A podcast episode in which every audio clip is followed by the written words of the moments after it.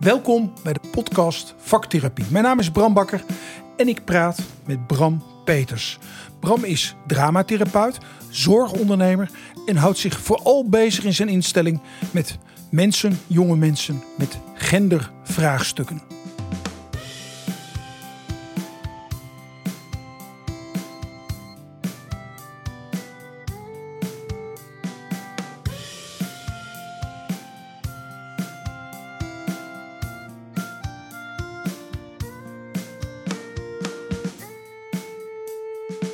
Nou, Bram, welkom. Ehm, ja, we, we gingen het hebben over vaktherapie, dacht ik. En dan lees ik genderdysforie. Dus laat maar gelijk beginnen bij... wat hebben vaktherapie en genderdysforie met elkaar te maken? Wat ze met elkaar te maken hebben, ja, dat is een, een mooie vraag. Ja, en, over drie kwartier zeggen we stop. Dank u wel voor het luisteren. Ja, en dan eh, weten de luisteraars exact wat het met elkaar te maken heeft... en wat voor meerwaarde vaktherapie kan zijn voor deze doelgroep. Meerwaarde of... Kijk, daar gaan we al, hè? Meerwaarde, dan is er een basiswaarde. Dan heb jij, heb jij de meerwaarde. Ja, dat denk ik wel. Oh, ik zou denken, het is essentieel dat een vaktherapeut... Nou, misschien ook... Een, kijk, ik struikelde altijd over het woord... Hey, een vaktherapie kan complementair zijn. Nou, dan ben ik ook altijd van. Dan zeg ik Met wat zijn, sorry? Complementair zijn met... Complementair, oké. Ja, binnen de andere therapie die aangeboden worden. Maar ik vind het een mooie aanvulling. Ik denk dat het woord essentieel misschien nog mooier is dan meerwaarde. Nou ja, alternatief vereist regulier. Hè? Dus alternatief is altijd tweede rangs. Want als er geen regulier is, kan er ook geen alternatief zijn. Dus Ja. ik, ik steek het provocerend in. Je moet langs Bram, de vaktherapeut, als je echt iets met je genderdysforie wil. Stelling. Semi, ja. En die semi zit hem in omdat ik sommige jongeren en volwassenen zie... eh, bij wie het woord vaktherapie al enorm kan afschrikken. Dus die eerst een collega mogen zien om vervolgens bij mij te komen. En een collega is dan een psycholoog of zo. Een collega kan zijn een seksuoloog, een GZ-psycholoog, psychotherapeut, klinisch psycholoog of psychiater. Die zijn toch veel enger, man. Je bent gewoon een aardige gast. Een, een seksuoloog, dat is echt dat is een viespeuk. Ja, nou, dat, dat, Ja. dat klinkt veel enger, maar toch vinden mensen psycholoog een heel veilig woord. Ja? Ja, psycholoog, want daar kan ik gewoon terecht. En in de genderzorg is het wel zo dat een, eh, een cliënt bij ons komt en eh, die willen vaak een, eh, medische behandeling of ondersteuning. En dan is gewoon, als je gaat googlen, oh, dan moet je eerst toestemming van een psycholoog hebben. Dus veel cliënten voelen Ja. van, ik moet een toegangskaartje halen bij een psycholoog. Ja, in, in die old days moest je langs een psychiater... die moest verklaren dat het geen psychiatrische stoornis was, jouw genderdysforie. Ja, Ja. ja, ja. En dat is gelukkig al ver weg. Ja. maar zit er nog steeds wel in gebakken in de protocollen en richtlijnen in de zorg. En, en het gaat dan wel zo, dus jij, jij doet dat... Ik weet nu al met hart en ziel, die, die jonge mensen met genderdysforie. Ja, Maar dan, dan zegt dus de psycholoog of de seksuoloog... zegt je moet wel even misschien overwegen om naar Bram de vaktherapeut te gaan. nee, die noemt het niet overwegen, maar die zegt van eh, wij zien als eh, onderdeel van het traject wat u bij ons mag bewandelen, de vaktherapie. Standaard? Of eh, heb je, heb je dat helemaal moeten bewerken bij mensen die nu weten dat jij er bent? Nee, ik heb het eh, geluk gehad om ons behandelteam ook mede zelf samen te stellen. Als je hebt de psycholoog in dienst genomen. Ja, Ah, wat goed man. en de psychiater en de GZ'ers. En de... Wow, wow. Dus eigenlijk, Hoe heb je dat gefixt? En ik denk met eh, ambitie en buiten de kaders durven denken. Dus je vanuit die hoek iets anders profileren als alle standaard eh, GGZ-instellingen die er al waren. Je bent een GGZ-instelling. Ja, wordt steeds erger. ja, ja. De ik- ondernemende vaktherapeut, ja, luisteraars. ja, dat is het eigenlijk. Ik, ik ben eigenlijk met mijn man samen, is dat misschien nog erger? Nee, ik vind het hoe bonter, hoe leuker. Ja, met, nou, dat, ik ben met mijn man samen. eh, ik zal, mag ik, zal ik een paar stappen terug doen? Dat Ja, je heel weet- graag, heel Ja, graag. wij- ik, ben- wij- ik sta helemaal aan. Ik wil alles weten. Wij, wij werkten allebei voor een, eh, een grote instelling. Eh, mijn man Willem-Jan in een onderwijsinstelling en ik in een zorginstelling. Als PMT of iets? Wat, Ik, wat- ik als dramatherapeut en mijn man als kleuterjuf, zoals hij het altijd zo mooi verwoordt. Als kleuterjuf. Kleuterjuf, zo noemde hij het altijd. En wij liepen allerlei, tegen allerlei... eh, Kleuterjuf. Ja, dat is dat de kinderen in de klas eh, noemden ook altijd eh, mijn juf is meneer Willem. Ja. Of meneer Willem is mijn En, juf. en Bram zei, ik ben drama queen. Ja, dat, Ja. Nou, ja, dat was een beetje het, het Alle bonte... vooroordelen hebben we weer gehad. Ja, ja. en dan hadden we ook nog een labrador en woonden we in een dorp. Dus ja, we waren een beetje het bond gezelschap dat het dacht anders te kunnen doen. Want binnen de zorginstelling liepen wij tegen allerlei bureaucratische processen. En toen dachten wij, wij kunnen zelf eh, naar het beleid vechten en zeggen het moet anders. Of wij eh, nemen allebei ontslag, gaan een jaar lang rond de wereld reizen... en gaan eens in die wereldreis kijken hoe wij het anders zouden doen. Dat hebben we gedaan. Je hebt de wereldreis gebruikt om te kijken. Ik raad iedereen een wereldreis aan, maar ik wist niet Ja. dat dat de start van een GGZ-instelling kan zijn. Ja, zeker. Alles verkopen, drie dozen met echt essentiële dingen bewaren bij je ouders op zolder. En samen de wereld rond. Ik ga af en toe een paar weken op Bali zitten om tot mezelf te komen, maar ik geloof niet dat ik daar naartoe ga om te verzinnen hoe mijn nieuwe instelling eruit gaat zien. Dit, is, Nee, wel, dat, eh, dit is wel bijzonder. Ja, dat hebben we gedaan. We hebben eigenlijk alle invloeden vanuit de wereld en vanuit gedachten. Wat is voor ons belangrijk en wat zouden wij belangrijk vinden? In een soort van mini-plannetje gezet. En toen we terugkwamen, zijn we met z'n tweeën begonnen. En daar kwam een orthopedagoog bij. En wij zijn allebei wel van het doorleren. Dus eh, mijn man ging van kleuterjuf naar orthopedagoog, naar OG'er, naar GZ'er, Ja. naar dus seksuoloog. Dus uiteindelijk groeiden wij qua kennis en kunde ook. En dat hebben we eigenlijk altijd blijven behouden, die visie van... eh, we hoeven niet het pad te bewandelen dat er al is, maar we kunnen het anders doen. En om helemaal op je vraag terug te komen, Ja. dat trekt mensen aan. Ja, dat, dat, dat snap ik wel. Een psychiater die jarenlang in een instelling naar volle tevredenheid werkt, maar wel dag in dag uit ongeveer hetzelfde doet. Sommigen komen op een leeftijd dat ze denken, nou, het kriebelt wel om net even een verschil te kunnen maken. En die sluiten, ons, sluiten zich dan bij ons aan voor één dag, en die één of twee dagen. En nou ja, zo doen meerdere Ja, disciplines. dat. gaaf. Maar eh, om er dan nog maar gelijk een vooroordeel tegenaan te flikkeren. Alle dagen genderdysforie, dat is, dat is pas saai. Nee. nee. Nu, nu gaat hij Nee, het en nou, en nou Ja. is, nou is Ja. genderdysforie, dus, eh, eigenlijk is het de genderdiversiteit die wij zien. Dus eigenlijk het woord diversiteit zegt al dat het een enorm divers publiek is. En, en dan is het ook geen stoornis. Want dysforie, dat klinkt al een beetje als een afwijking. Ja, ik zie het zelf ook niet als een stoornis. Het is wel zo gedefinieerd als stoornis. Gelukkig eh, heeft de DSM al een klein beetje een verandering teweeggebracht... dat het niet per definitie een stoornis is. En de ICD is er nog een stapje in verder dat het eh, de incongruentie is. Ja. Uh, maar wel vanuit, hè, natuurlijk hebben we de kenniskunde en moeten we enigszins vanuit beroepsprotocollen werken. Is het gewoon een DSM-classificatie, maar je kan nog een beetje eromheen kleuren. In je hoofd is het toch geen DSM-classificatie, mag ik hopen? Nee, voor de cliënt ook niet. Nee, Nee. nee. op papier. Ja. Nog wel, maar ja, dat was ik als homoseksueel ook. Ja, maar we zitten toch ook 84. wel een beetje in een tijd. Kijk, dit is net als het autisme-spectrum. Ik, ik, ik ken een GZ-psycholoog, die heeft er zelfs een heel boek over geschreven. Iedereen autistisch. Dus we zitten ergens allemaal op een spectrum. Ja, nou ja, ik vind het ook een mooi, dat autisme, de, de, de cliënten zelf noemen dat graag neurodivers. Ja, ja dat vind ik ook een fijn woord. Dat- Ben, je, ben jij ook, hè? Ik ben dat ook. Ja, Neuro- ja heel, ik ook. Heel neurodivers. Ja, ik kan heel rigide zijn, ik kan chaotisch zijn, Ja. ik kan impulsief zijn. Maar dat hoort bij mijn diversiteit. En zolang ik dat kan kaderen, en zolang ik een man naast me staan die me helpt, dan kun je, je heel is komen. niet zo, dat is, die is blauw. Nee, die is keer, die is keer drie. Keer drie. Ja, Oké. ja. Maar, ju- maar jullie slikken geen handenvol Ritalin. Geen handen vol erin, dat klopt. Ja, nee, precies. nee, maar het, het gaat natuurlijk, denk ik, dan in je werk ook over, over toch over normaliseren. Dus, Ja. dus mensen om te beginnen het gevoel geven dat, dat het oké is. Dat Ja. ze zijn wie ze zijn en dat ze zijn zoals ze zijn. Ja, enorm. Ja. Juist, en daar ligt denk ik ook wel de kracht van de vaktherapie in dat normaliseren. Want het praten over, je zit zo cognitief vast aan, zo moet het. En dan komen alle leefregels, alle...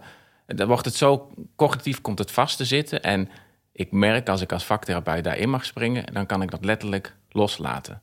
En dan laat je ook dat normenkader wat er vanuit opvoeding of vanuit media heerst... kan veel makkelijk los worden gelaten. En, en, en sluit dat nog aan bij waarom de jonge Bram ooit vaktherapeut werd? Ja, Ja, dus je bent in feite nog altijd vanuit dezelfde gedachte waar in je vaktherapeut werd ja, aan het leven, Ja. aan het werken. Ja, ik ben eigenlijk gestart vanuit echt het entertainen van mensen. Ben uh, als, Dramatherapie, als, dus dat- als, als, ja, nou, als cabaretier ben ik gestart. Ik heb een cabaretopleiding gedaan. Voordat je dramatherapeut Ja. werd. Ja, Oh, dat is ook een leuke vooropleiding. dat is een hele leuke vooropleiding. Die Ik heb een zoon die cabaretier is, maar hij weet het nog niet, maar hij wordt uiteindelijk Hij wordt... eh, vaktherapeut. Ja, dat is volgens mij een hartstikke mooie... eh, Vind me als je stap. luistert, vaktherapeut Ik zal, het ja. aan, ik zal Ja. het aanraden. Je kan je cabaretbagage enorm gebruiken. Want juist, cabaret is niet alleen maar grapjes maken. Maar dat is juist heel nee. kritisch durven kijken op processen. Kritisch durven Ja. kijken naar jezelf. Naar het leven. En letterlijk, zoals mensen dat vaak zeggen... het publiek een spiegel voorhouden. En ik dacht daarin juist de krachten te kunnen zien... om dat intiemer te maken. Dus eigenlijk heb ik het cabaret intiemer gemaakt... en in therapievorm kunnen gieten. En, en ja, misschien een flauwe vraag, maar is, is dat hoe je het nu keurig achteraf formuleert? Of was, was dat echt wat je al voor je zag? Nee, dat is echt hoe ik het formuleer. Wij zien niet zo heel veel, als ik dan in wij en mijn man en ik, niet zo heel veel voor ons. Wij zijn vrij impulsief en spelen in op wat we op het moment zien en voelen. Dus we hebben niet zozeer een meerjarenplan. Mensen denken wel eens dat heel veel dingen ons zomaar overkomen, maar onze stapjes zijn gewoon wat minder meerjaren dan bij anderen. Ja, en- maar jullie kennen elkaar al wel even. Ja, Dus je weet je wel tot elkaar te verhouden. ja, En, en dan nog maar even een vooroordeel. Ehm, als ik pianoles neem, dan eh, heb ik grote kans dat ik terechtkom bij iemand die ooit het conservatorium heeft gedaan, maar die niet goed genoeg was voor het concertgebouw. En toen maar pianoleraar werd. Het, het is, het is niet zo dat jij, omdat je, omdat je geen Joep van het Hek bleek te zijn. Nee, ik voel me niet. Ik voel me geen uitgerangeerde eh, cabaretier die dit maar erbij doet. Nee, dus een keuze vanuit kracht. Hè? Dat is eigenlijk wat we, wat, we, wat we willen vaststellen. Ja, zeker. En een kracht, beide zijn de kracht, omdat ik merk, daar ligt mijn kracht. Maar ook een kracht van, hé, hey, daar ligt de kracht van het medium vaktherapie. Ja. En die mag niet verloren gaan. En Hey, dat, dat- delen we enorm. Ja, Maar eigenlijk, eigenlijk zou je bijna denken, we moeten dus straks al die theater en eh, eh, creatieve opleidingen belangs om daar, een- om daar een paar goede vaktherapeuten uit te trekken. het zou een mooie kunnen zijn. Ja, Want er worden, worden veel meer mensen opgeleid tot acteur dan er plekken zijn voor acteurs. ja. Ja. Mijn zoon heeft een diploma als cabaretier, maar 9 van de 10 redden het als cabaretier niet. Nee, die kunnen af en toe wat leuke commercials doen en daar semi van rondkomen. En dan wat bedrijfsfilmpjes en dan... en dan moeten ze iets Nou, we anders gaan gaan deze zoeken. podcast niet Dus, alleen eh, verkopen aan de Federatie Vaktherapeutische Beroepen, Ja. maar we gaan deze... Ja. Gaaf man, leuk. nou, ik- de kruisbestuiving, ja. dat is het toch? Ja, is- het nou, en dat vind ik ook een mooi woord, kruisbestuiving. Want ik denk dat dat, eh, vanuit ons de vaktherapie... maar ook juist de samenwerking die ik heb met de andere disciplines... je moet elkaar daarin eh, vinden. En samen eh, kun je het doen. En niet Ja. alleen, oh, we laten een behandeling heel cognitief... of we pakken een protocol, richtlijn, et cetera, erbij. Maar vanuit de kruisbestuiving, ik werk heel graag samen met onze resetters... want die kunnen heel goed praten en die weten heel veel Ja. van achtergronden, richtlijnen, et cetera. En ik ben meer van iets creatiever en iets minder eh, regeltjes volgen. Maar daarmee vul je elkaar wel aan. In een kruisbestuiving. Maar, maar jij en je man zijn, zijn de baas van de instelling. Ja, En dan heb je in het formeren van zo'n team... moet je multidisciplinair, dat wilden jullie ook. ja. Maar kleuren jullie nu het team in opgeleide van hoe jullie denken dat het moet? Of moet je doen wat de zorgverzekeraar vraagt? dat is een mooie. Daar zit nog een grijs gebied. Ja, Want de zorgverzekeraar vraagt. ja. Die vraagt best veel. Een regiebehandelaar, een psychiater Ja. of een KP'er. Ja, ja, dus die hebben wel richtlijnen en eisen. Maar in de genderzorg eh, zijn die nog niet zo heel strak. Er is een heel mooi eh, eh, kwaliteitsstatuut ooit geschreven... wat eigenlijk alweer verouderd is. En de zorgverzekeraars zelf zijn ook enorm zoekend in... Hey, wat is nou de eis en hoe moet een behandeling eruit zien? Moet het wel behandeling noemen? En Ja. hoe lang duurt dan een behandeling? Dus wat wij eigenlijk hebben gedaan... is met de disciplines samengezeten... en het gesprek aangaan met de zorgverzekeraars. En niet vanuit... Hoe kwam je daar aan tafel? Want ik denk dat er best veel mensen zijn die een GGZ-instelling willen beginnen. En ik denk dat er best veel mensen zijn die affiniteit hebben met gendervraagstukken. Ja, nou, dat, dat- een beetje het activisme van onze doelgroep meenemen in bedrijfsvoering. Een beetje buiten de lijnen kleuren. Ah, ja, leuk. Ik Dan word je, dan word je Ja. gezien. Ja. Nou, mijn man is er nog iets stelliger in dan ik. En die krijgt af en toe een LinkedIn-verbod, want die kan vrij eh, eh, plastisch weergeven wat er niet prettig loopt in contacten met zorgverzekeraars, die schiet ook een beetje in de paniek. Want die willen natuurlijk wel zorgen dat eh, ook alle media-uitingen en zo kloppend blijven en dat hun naam niet geschaad wordt. Maar ondertussen is, ja, jullie zijn ook een werkgever en hè, allemaal dat. Ja, Ja. ja. en we hebben eigenlijk we echt moeten vechten om die plek aan tafel te krijgen. Want eerst waren wij gewoon een instellingje dat wat leuks deed. En we zijn gegroeid en eigenlijk door het leveren van supergoeie zorg, een hoge cliënttevredenheid, hebben we ook wel laten zien wij doen naartoe. Wij ja, verdienen, wij vinden dat wij aan de tafel moeten zitten. Want samen Hoeveel moeten wij mensen doen. hebben jullie nu aan het werk? We zitten nu aan de 45. Wow. En op hoeveel locaties? 1, 2, 3, vier locaties. Hij moet al tellen, zeg. Jezus. Ja, Noem ook maar even de naam van het bedrijf, want er luistert natuurlijk ook iemand die het kan gebruiken. Dus jij genderzorg. jijgenderzorg.nl, Ja, .nl. niet .com. Ja, misschien. We hebben alles. We Oh, hebben, we hebben al, oh god. alle Het zijn echt ondernemers. Nou ja. ja, we, hebben, we hebben allerlei eh, namen vast laten Ja. leggen. Als mensen ooit de, de naam fouten googelen, dan komen ze ook bij ons terecht. Dus we hebben alles gewoon eh, dubbel ingekocht. Hey, ehm, hoe- hoeveel van dit soort clubs zijn er dan in Nederland? Dus hoe, hoeveel GGZ-erkende instellingen zitten op dit specialistische gebied? Eigenlijk te weinig. Eh, De, de, de genderzorg is echt gestart vanuit de academische centra. En met name Amsterdam en Nijmegen is er later bijgekomen. Ja, ik kan de luisteraar verklappen dat ik ooit als dokter in de VU heb gewerkt toen het nog transseksualiteit werd genoemd. Ja, Ja. dat is eh, twee, eh, twee DSM's geleden, denk ik ongeveer. Eh, 1991 werkte ik daar. Ja, ja, ja. dat was eh, de tijd dat ik eh, met een lolly in mijn mond in de zandbak zat, denk ik ongeveer. Ja. Maar eh, ja, daar, eh, dat zijn echt de expertisecentra geweest. En eh, hebben zich ook altijd zo geprofileerd. Maar dat is ook wel een beetje een vastgeroest beeld gebleken bij allerlei zorgverzekeraars, verwijzers, dokters. Van daar ligt expertise, daar moet je Ja. heen. En wachtlijsten werden veel te lang. En de behandeling kon te weinig toegespitst worden op wat de cliënt zelf nodig had. Dus Ja. dat client-centered. En het ministerie heeft een aantal jaar geleden gezegd... dat moet anders, we moeten dat anders doen. Die wachtlijst moet korter. Er zijn heel veel expertises die eh, gedecentraliseerd vormgegeven kunnen worden... zodat de cliënt Mhm. eigenlijk een eigen behandeltraject kan lopen... bij verschillende instellingen. Want niet iedere cliënt hoeft een medische behandeling. Dus je maar- hoeft niet naar een maar- ziekenhuis. Eh, vragen rond je gender is toch eigenlijk ook iets anders dan een medische aandoening. Ja?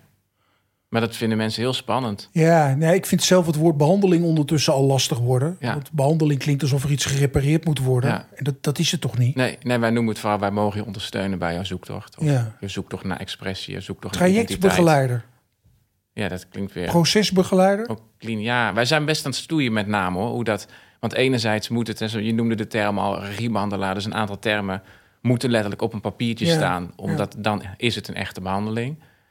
Maar eigenlijk gaan we die behandeling met de cliënt aan. Wij zeggen ook, wij sluiten bij jouw zoektocht aan en we gaan mee puzzelen. Ja, ik, loop, ik loop een stukje met je mee. Dat, Ja, dat is toch eigenlijk zo, Ja. zo simpel is het toch eigenlijk in dat de is basis? het. En niet, ik ga jou fixen. Maar nou, nou even, want dat team, dat hebben we nog niet helemaal afgemaakt. Daar, daar moeten dus verzekeringstechnisch bepaalde professies in. Ja, Maar jij bent een vaktherapeut, dus je hebt kunnen afspreken dat er heel veel vaktherapie in dit team zit. ja.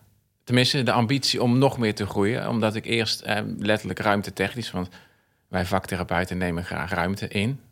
Ook nou, dat vind ik wel meevallen. Ik heb, ik heb er hier veel gesproken, maar ze zijn allemaal te bescheiden, vind ik. Ja, maar ik, een beetje de fysieke ruimte. Ja, de fysieke ruimte. Ja, En dan de- kom je de toch ook nog... psychologische eh, ruimte. Nee, nee. Wij, zijn, wij zijn, we zitten bescheiden aan tafel, maar Ja. hebben graag een grote ruimte. Ja, een werkruimte. Een werkruimte. Ja. Ook interessant, interessante paradox, hè? Ja, Dat die vaktherapeuten zo weinig plek innemen ja te in weinig. het publieke domein. Te weinig. Ja. Ik denk dat daar ook zeker ook een slag te baan. En daarom ook deze podcast om te laten zien dat eh, eh, wij als vaktherapeuten best mogen noemen dat het heel belangrijk is dat wij er zijn. Nee, maar ik, ik ben overtuigd. Maar dan denk ik, nou, jij, jij bent misschien toch wel een heel uitzonderlijk geval. Ja, maar ik hou van uitzonderlijke gevallen. En Ja, voor mij nee, mogen er ook, meer uitzonderlijke ook. gevallen maar, maar, zijn. Maar, maar, ehm, nou ja, daar, daar ligt misschien wel een uitdagende vraag. Hoe krijgen we meer vaktherapeuten als Bram? Ja, Ja, of niet. Het hoeft niet een kopie van mij te zijn. Maar ik, Nee, maar ik wens ze- ondernemend, eh, Ja. kop, eh dat kop denk in de ik wel. wind, eh, boven het maaiveld. Ja, ja. Hup naar de zorgverzekeraar. ik denk dat dat wel enigszins belangrijk is. En je hoeft Ja. niet allemaal voor op de barricade te staan. Want je kop boven het veld ben jij wel degene die de klap kan krijgen. Dus het maakt je af en toe ook kwetsbaar. Door je zo op te stellen. Maar aan de andere kant levert het voor mij veel op. En ik vind het ook wel leuk, dat onderdeel. Hè. Dus, dus met passie over het- de vaktherapie praten. Vind ik ook leuk. Dus dat ik hoef het niet goed, alleen te ja. beoefenen. Dus ik hoef niet alleen met cliënten te staan. Maar juist in ons team ook word ik als vaktherapeut niet op zozeer op handen gedragen. Maar ik ben echt gewoon enorm van belang. Ja, je- En- Doe je ook nog steeds als vaktherapeut meewerken? Ja, Dus je blijft op de werkvloer je ja, ja, ja. En dat is ook wel de, de, de- eigenlijk de essentie om eh, voeten aan aarde te houden. Dus dat ik niet alleen maar een woordvoerder word van de vaktherapie, maar dat ik het ook beoefen. Nee, he- helemaal eens. Ik dacht dat je professor voelen. bent, zie je geen patiënt meer. Dat, Nee. is, dat is heel Nee. raar. Nee, dan kan ik ergens in een kamertje gaan zitten Ja. en leuke tweets uitdoen hoe belangrijk Ja. het is. Maar ik wil het zien. Ik wil het voelen dat het echt belangrijk is. Hey, en zit in jouw team alle, alle smaken vaktherapeuten of heb je wel een voorliefde voor dramatherapeuten? Nee, we hebben, we hebben nu... eh, Ik heb zelfs eh, voor de luisteraars nog een mooie vacatures openstaan... voor een, eh, een vaktherapeut, een eh vaktherapeut beeldend, drama... en eh, binnenkort PMT, dan hebben we de ruimte. Dus ik zie daar zeker de meerwaarde in... om juist ook die disciplines te mengen met elkaar. Ja. En ik moet zeggen, ik ben opgeleid als, als vaktherapeut drama... en ja, ik, ik pik wel eens wat elementen uit de beeldende therapie. Ik pik wel eens maar. elementen uit de PMT... omdat Ja. ik denk eh, als... als enkel en alleen drama. Ik zie meerwaarde om dat enigszins te combineren. En dan ga ik niet op de stoel van een beeldend therapeut zitten. Maar Nee. eh, er zit zoveel meerwaarde in heel die therapie. Hè? Ja, ik kan alleen maar het, het clusteren tot, totdat Ja, nee, ik een ik ben, soort van... ben overtuigd wat dat betreft wordt het een saai gesprek. We zijn het wel eens. Ja, Muziek, heb je die al, muziektherapeut? nee. Lijkt me ook nog spannend. Ja? Nou ja, ik had hier een muziektherapeut en die legde eigenlijk heel goed uit dat, dat, dat mindfulness oké is, maar best nog wel een beetje cognitief. En dat muziektherapie, als het over ontspanning gaat, nog een laagje dieper kan. Ja. En er is er ook nog op gepromoveerd. Nou, ik word ik heel word ik enthousiast van. Ja, dat Ja. vind ik wel mooi. Ja. Ja. En, en kijk, jullie hebben dit onderwerp gekozen om- omdat het je na aan het hart ligt. Die, Ja. die, die, die, die, die gender problematiek. We gaan het ook geen problematiek meer noemen. Die gender issues. ja, of gender, genderzoektocht noem ik het Ja. meer. En in de zoektocht kun je heel veel hobbels tegenkomen. Die kunnen wij enigszins glad strijken. Al dan niet met een behandeling als het wel nodig is. En, en deze aanpak zou een ondernemende vaktherapeut ook kunnen toepassen op hoogbegaafdheid of autisme of verslaving. Ja, want ik zie bij onze cliënten heel veel naastliggende problematiek. En dat heeft raakvlak op alle gebieden. Ja. En juist door uit dat verbalen te gaan, gun je die cliënt ook even een stapje uit het hoofd. En dat klinkt soms wat zweverig van, wat bedoel je dan uit het hoofd? Moet ik in één keer gaan huilen en gaan voelen? Maar ik leg een cliënt vaak uit dat eh, juist die connectie met elkaar blijven behouden, het hoofd en het lijf, daar heb je voor nodig. Dat je leert, waar zit het in je lijf? En Ja, en, en, en, en vooral jonge mensen lopen vast in dat ze alleen maar in hun hoofd kunnen zoeken. En daar Ja. kunnen ze het dan niet vinden. En ze weten niet dat ze op een andere plek misschien iets wel kunnen ja, vinden. en dat is heel moeilijk, Ja. want letterlijk, die maatschappij doet zo'n beroep op het hoofd. Ja. dat je bijna niet eens meer weet. Dan, sommige cliënten denken bijna, nou voel ik iets. Maar dan is het meer dat je denkt dat je iets voelt. Omdat je hebt geleerd dat je iets moet voelen als je iets ziet of doet. Ja. En dat, daar ligt denk ik onze kracht als vaktherapeuten. Dat we dat los kunnen laten. En dan gaan we niet zozeer op zoek van je moet nu voelen. En mijn, mijn insteek is dan, eh, we gaan even uit het hoofd. En dan heb ik het vertrouwen dat het voelen... en vanuit eigenlijk het, het, Ja. het oermens zelf wel komt. En, en is, is vaktherapie in, in jouw beleving dan ook eigenlijk bijna synoniem aan lichaamsgerichte therapie? Ja, lichaams, slash ervarings, slash belevingstherapie. Want ik, ik ga je gekke vraag stellen, maar misschien wel leuk om over na te denken. Als je nou die, die trajecten die jullie doen, hè, als je nou zou moeten zeggen, wat, wat is de verhouding verbaal-non-verbaal? Heb je, heb je dan een gevoel? Zeg je nou 80% is toch kletsen en 20% of, of misschien is het andersom? Nee, het is nog, nog steeds veel kletsen. Ook omdat in eerste instantie een cliënt heel veel behoefte heeft om te kletsen. Maar dan is het vooral eh, de cliënt die mag kletsen. Ja. En dat is delen. ja, Maar het is ook, ook fysiek, toch? Je voelt toch wat dat je oplevert ja, om te delen wat je op het hart ligt. ja, maar soms is het heel veel kletsen. Omdat een cliënt heeft geleerd... oh ja, als je problemen hebt, dan moet je erover praten. En dan zit je in het praten. En door dat praten wordt er weer een cognitief iets aangewakkerd... en dan blijft het in het praten. Dus soms is het de kunst om een cliënt te horen... en zonder het gevoel te hebben... ik ga je nou onderbreken, want je hoeft niks te zeggen... ga maar eens voor die spiegel staan. Ja. Of je hoeft Maar het ik, niet- ik gebruik een oneerbiedig woord, maar ik denk wel dat je het herkent. Er zijn ook wel mensen die heel veel babbelen. Ja? Dus die praten achter elkaar door. Maar dat, dat, dat raakt niet aan wat, aan wat zich hier bevindt. Nee, ja, die praten veel, maar zeggen, Ja. zeggen niks. Of hoe Ja. je het eh, ook inderdaad eerbiedig kan noemen. En dan is het mooi om te kijken van hoe kun je dat lijntje leggen. En ik probeer het meestal ook uit te leggen aan cliënten hoe het kan werken. En ik maak het dan visueel, letterlijk met, met een whiteboard van hey, hoe werkt dat met je hoofd en je lijf en die connectie. Ja. Herken je die? En dan zie je dat cliënten soms wel stil worden. En vanuit die stilte is een soort van reset dat ik naar het lijf toe kan gaan. Mooi. En, en doe jij dan, dat zou dan mijn aanbeveling denk ik worden, doe jij dan gelijk het eerste gesprek om ze gelijk te helpen? Ik doe veel intake zo. Ja, Dus echt het allereerste gesprek. ja, Ja, en eh, ook omdat ik ga noemen eh, hoe een traject eruit kan gaan zien en dat ze mij tegen gaan komen. Want als mensen gaan googlen, soms, eh, dat zei ik in het begin al, de psycholoog is niet meer zo spannend. Van, oh, dat is gewoon iemand die vraagt wat, die drinkt zijn koffie en, en die. en dan kun je mee kletsen. En kun je mee kletsen. Ja, Vaktherapie, dat moet ik gaan doen. Moet ik dan toneel spelen? Moet ik dan een kunstwerk maken? En die angst probeer ik eigenlijk bij het begin al weg te halen door in de intake al wat elementen uit de vaktherapie te gebruiken. En dan achteraf te benoemen, je hebt het dan gedaan. Dit Ja, was het al. Zo makkelijk kan Ja. het zijn.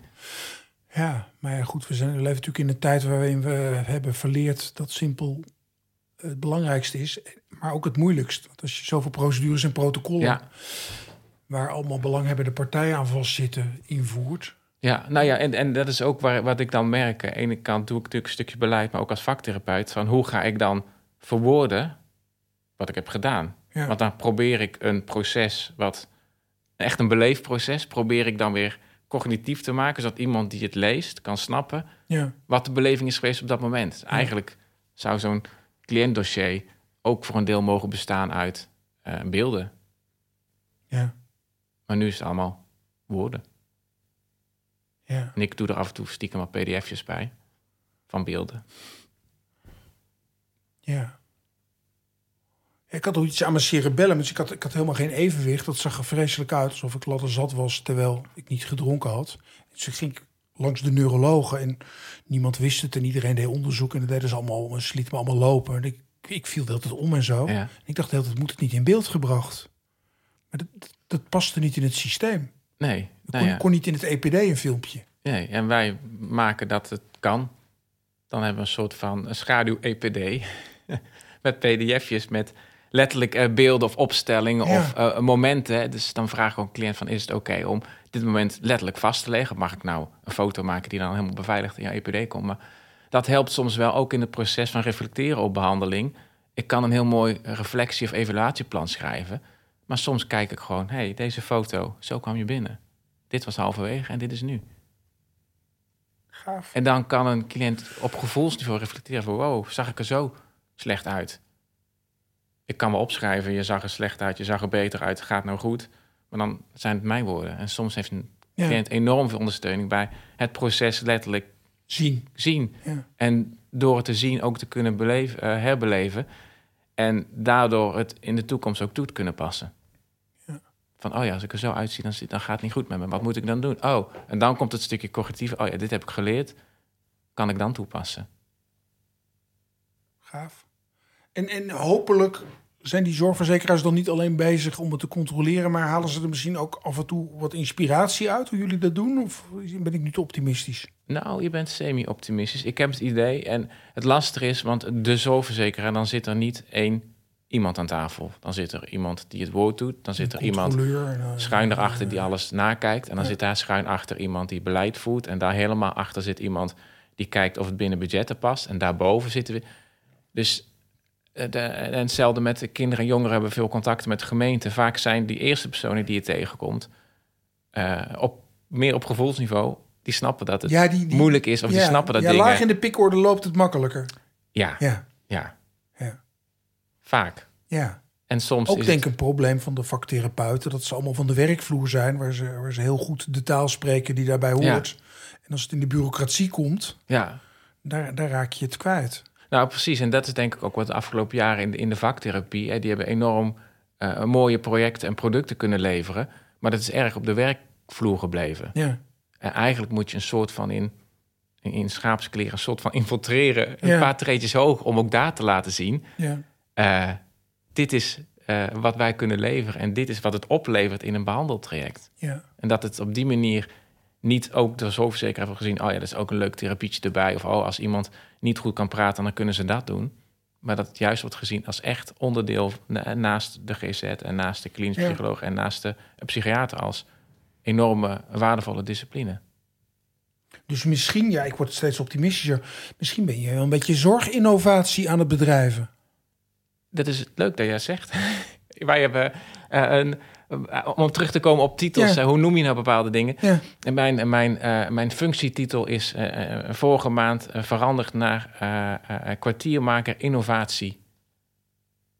GGZ. ja, wou ik het zoeken, wat doe ik eigenlijk? En inderdaad, ik ben enerzijds aan het innoveren. Anderzijds ben ik ook aan het lobbyen. Maar ik ben ook nog op de werkvloer. Ja, welke titel past daar het beste bij? En, en, en wat doe jij binnen de Federatie Vaktherapeutische Beroepen? Want die, die kunnen jou gebruiken. Ik eh, ben nog eh, niet actief. Ik heb nou, dat is, ik heb een, een eh, product geschreven hè, van de, de, de vaktherapie, met name dan mijn vaktherapie in de, in de transgenderzorg. En daar heb ik vol enthousiasme een prijs voor mogen ontvangen begin dit jaar. Wow. En eh, nou, die hoop ik eh, verder tot uitvoer te brengen. Wat, wat En was de prijs? De prijs is een, eh, een, eh, x aantal man, vrouw slash persoonsuren vaktherapeuten die mij gaan ondersteunen om nou ja, mijn idee te verwezenlijken. En een geldbedrag staat eraan vast. Nou, wat gaaf man. Ja, En, en van wie kreeg je het? Letterlijk uit handen van wie? Of eh, Nee, wie was de prijsuitreiker? De- de, de Federatie. Oh, nou snap ik waarom jij hier zit. Dus eh, ja. Ja, je bent gewoon een succesnummer. ja. Maar nou, die ja, hebben we ook nodig. Ja, Ja, nou en ik denk dat dat het mooie is. En ik hoop dat ik vanuit dat ook het enthousiasme over kan brengen naar andere nee, dat gaat heel goed. Dat gaat heel goed. Ik ben ook op een paas begonnen en ik zat er ook als een van de vele disciplines aan tafel met mijn uitgetypte papiertje te wachten tot ik wat mocht gaan zeggen. Want die, Ja. die psychiater noemde zich zenuwarts. Dus dat, die Ja, hij, is wel, status. hij is wel dood nu, want sinds 1975 doen we dat niet meer. Nou, maar die deed dat nog wel. Oké. Die is nog niet dood en die vond dat nog een mooie titel. Maar wel 80. Ja, die is vrij oud. Maar die zat ook aan het hoofd van de tafel en dat was, die gaf jou het woord. En ik heb wel geleerd van, ja, ik kan wachten tot ik het woord krijg. Ja. Maar eerst wordt dan de GZ'er gevraagd en de klinisch psycholoog mag wat zeggen. En oh ja, dan kan die vaktherapeut aanvullen. En ik heb daarin wel geleerd, nou, we kunnen dat rondje ook andersom doen. En dan moet ik gewoon, voordat de psychiaters binnenkomen en op die plek gaan zitten, bijvoorbeeld. Nou, maar dat, dat is natuurlijk... Dat klinkt simpel, maar dat is ingewikkeld, hè? Dat is heel ingewikkeld. En dat maakt je ook die zenuwarts die mij opleidde, die zei... wij nemen niet alleen deel aan het proces, wij doorschouwen het ook. Nou, dat is een beetje, ik weet, misschien is het dezelfde persoon geweest, maar Dan gingen we een consult doen op, op, op, op, op de hartbewaking of, of de intensive care, Ja. want we kwamen overal. En dan ging hij mij uitleggen hoe het, hoe het er daaraan toe ging. ja, En die mensen dachten allemaal, kan die man weg? ja. Mo- We moeten Nou, iemand reanimeren. misschien ook gedachten die een beetje Ja. door mijn hoofd gingen. Maar ja, als eh, jonge eh, eh, professional ga je wel mee een beetje in die hiërarchie. Ja. En die heb ik wel leren doorbreken. Maar er zijn, er zijn heel veel vaktherapeuten in Nederland. Dus als, als ze willen, kunnen ze.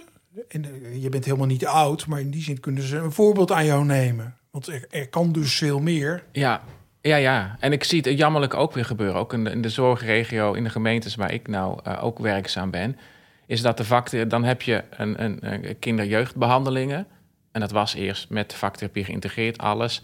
En dat is nu sinds eh, vorig jaar opgesplitst. Oh nee, de vaktherapie is een los pakketje. Ja. Maar die zit weer twee budgetten onder een psycholoog.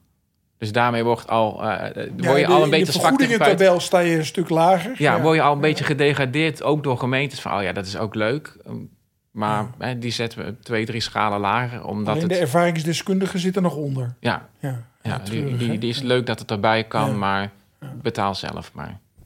Ja. Ja. En wij hebben dan ook weer buiten de lijnen gekleurd door ervaringskundigen te zoeken met titels. Ja, slim. Dus wij hebben een ervaringskundige arts, ervaringskundige eh, psycholoog. Ja, je verandert dus denk ik echt alleen de zorg bottom-up. Hè? Ja. Want omdat jij weet hoe het, hoe het op de werkvloer is... en omdat je daar contact mee houdt... Ja. weet je hoe je het, hoe je het kan veranderen. Nou, en dat contact houden is denk ik wel belangrijk. Want je kan wel bottom-up beginnen, maar als je op een gegeven moment dat contact kwijtraakt, eh, dan ben je een van de. Ja, nee, en daar is natuurlijk misgegaan bij die enorme grote GGZ-instellingen. Ja, ja. En dat merk ik ook, want wij zijn natuurlijk heel klein begonnen en laagdrempelig en dichtbij is nog steeds ons slogan. Maar ja, met 45 collega's wordt het wel steeds moeilijker. Dus het makkelijkste voor mij is om te zeggen: hey, ik behandel niet meer en ik ga gewoon een beetje aansturen Ja. en ik ga op mijn kamertje zitten. Maar ja, dan ben ik. Dan wat is ik het einde zoeken, hè? Ja, Ja. ja. ja. Dus je, je moet je echt dwingen om letterlijk te zeggen: nee, dit is mijn agenda, dan sta ik lekker tussen de cliënten. Daar ligt, daar haal ik. En, en hoe ga je dat dan borgen? Want ik denk dat er misschien op een gegeven moment ook wel vragen komen die helemaal niks met gender te maken hebben. Dus, dus dat, dat autisme als vraag. Door een eh, heel breed team te hebben en door niet alleen eh, genderzorg aan te bieden.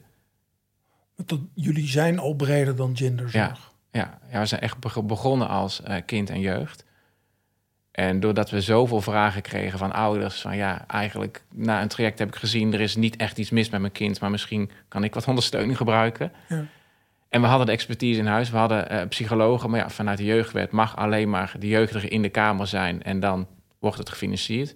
Dus toen zijn we met een nieuwe AGB-code een eh, GGZ-instelling geworden, toen nog vrij gevestigd.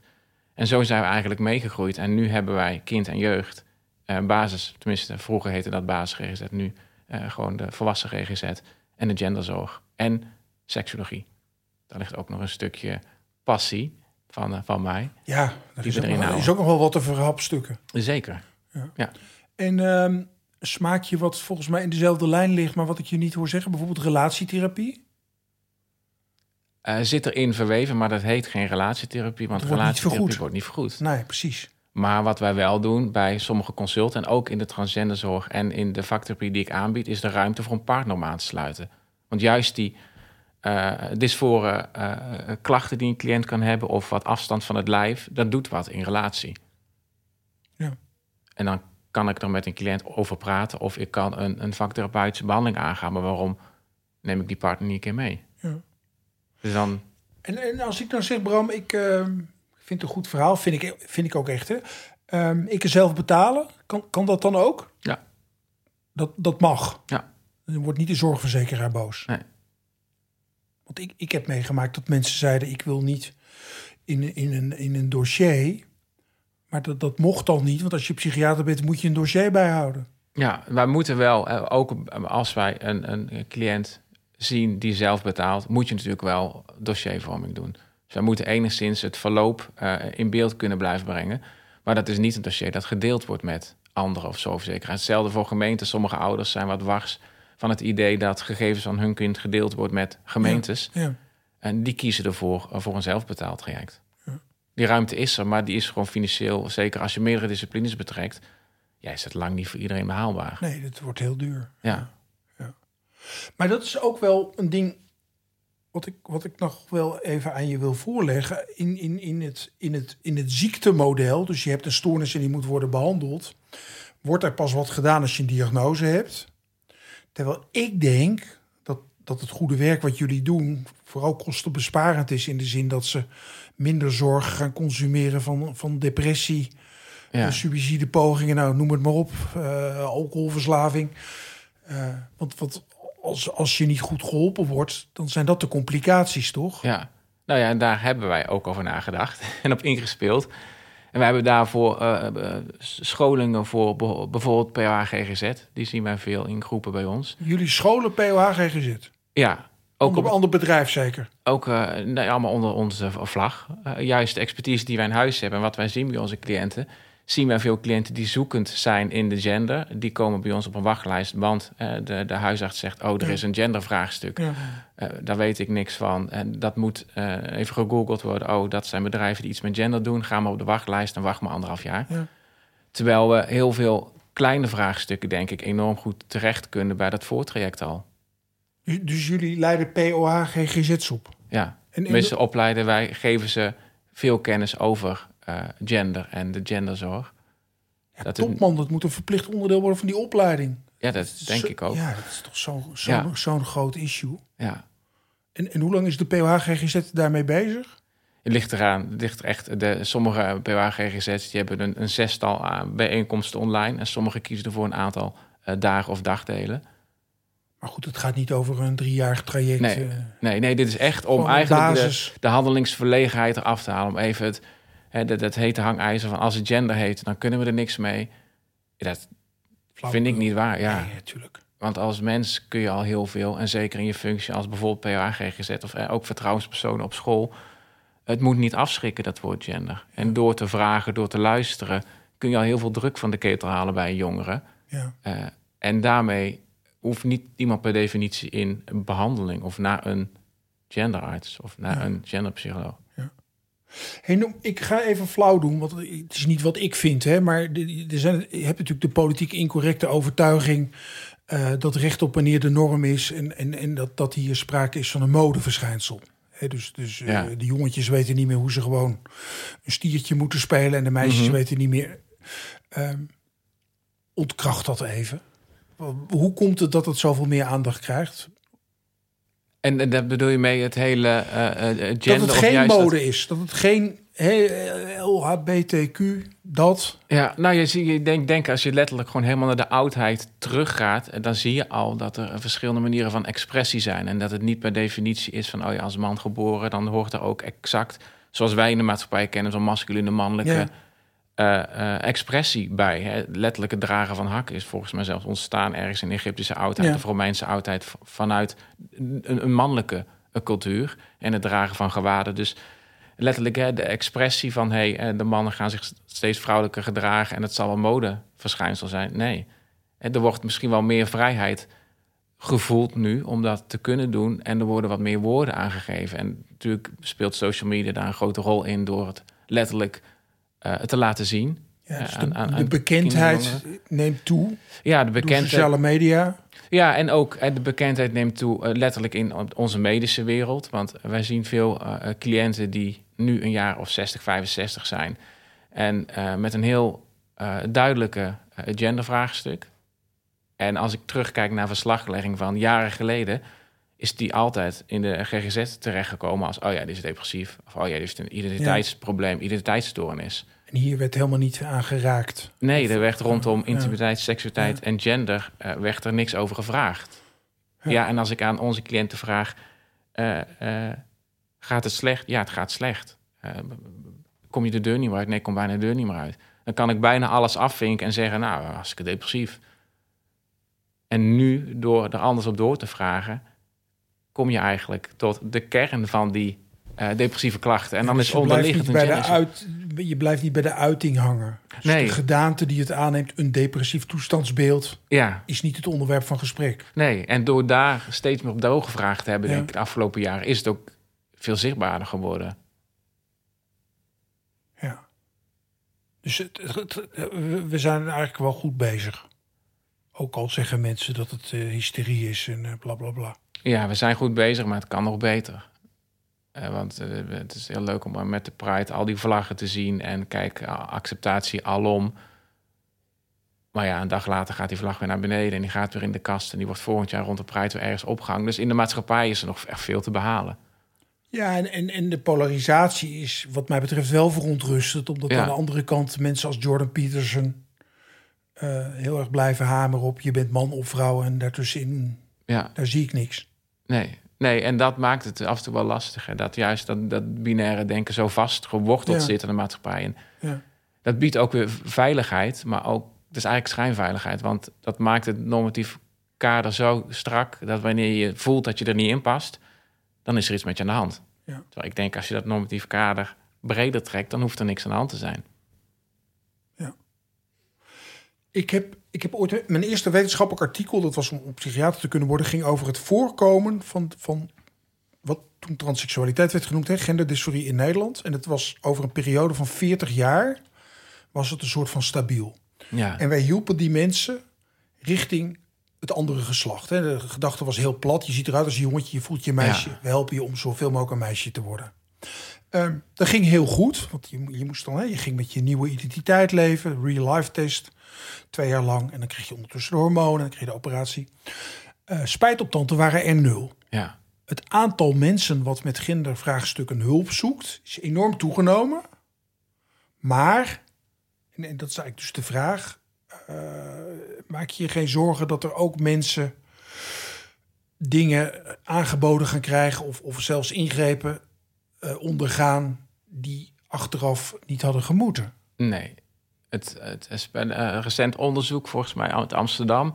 Het aantal spijtoptanten wat de afgelopen jaren gemeten is, is onder 0,5 procent. Dus die, die zorg heb jij niet. Nee. Maar ik ben wel van mening dat we in het eh, heel de genderzorg, dat het niet per definitie moet zijn. Iemand komt met een medische vraag binnen en het moet, eh, dat is de uitstroom.